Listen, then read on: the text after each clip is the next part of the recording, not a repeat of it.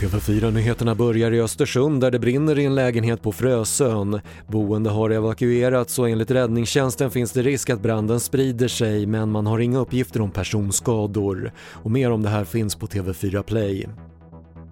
Den tsunamivarning som utfärdades efter ett jordskalv med magnituden 7,8 registrerades i havet utanför Alaska blåstes av.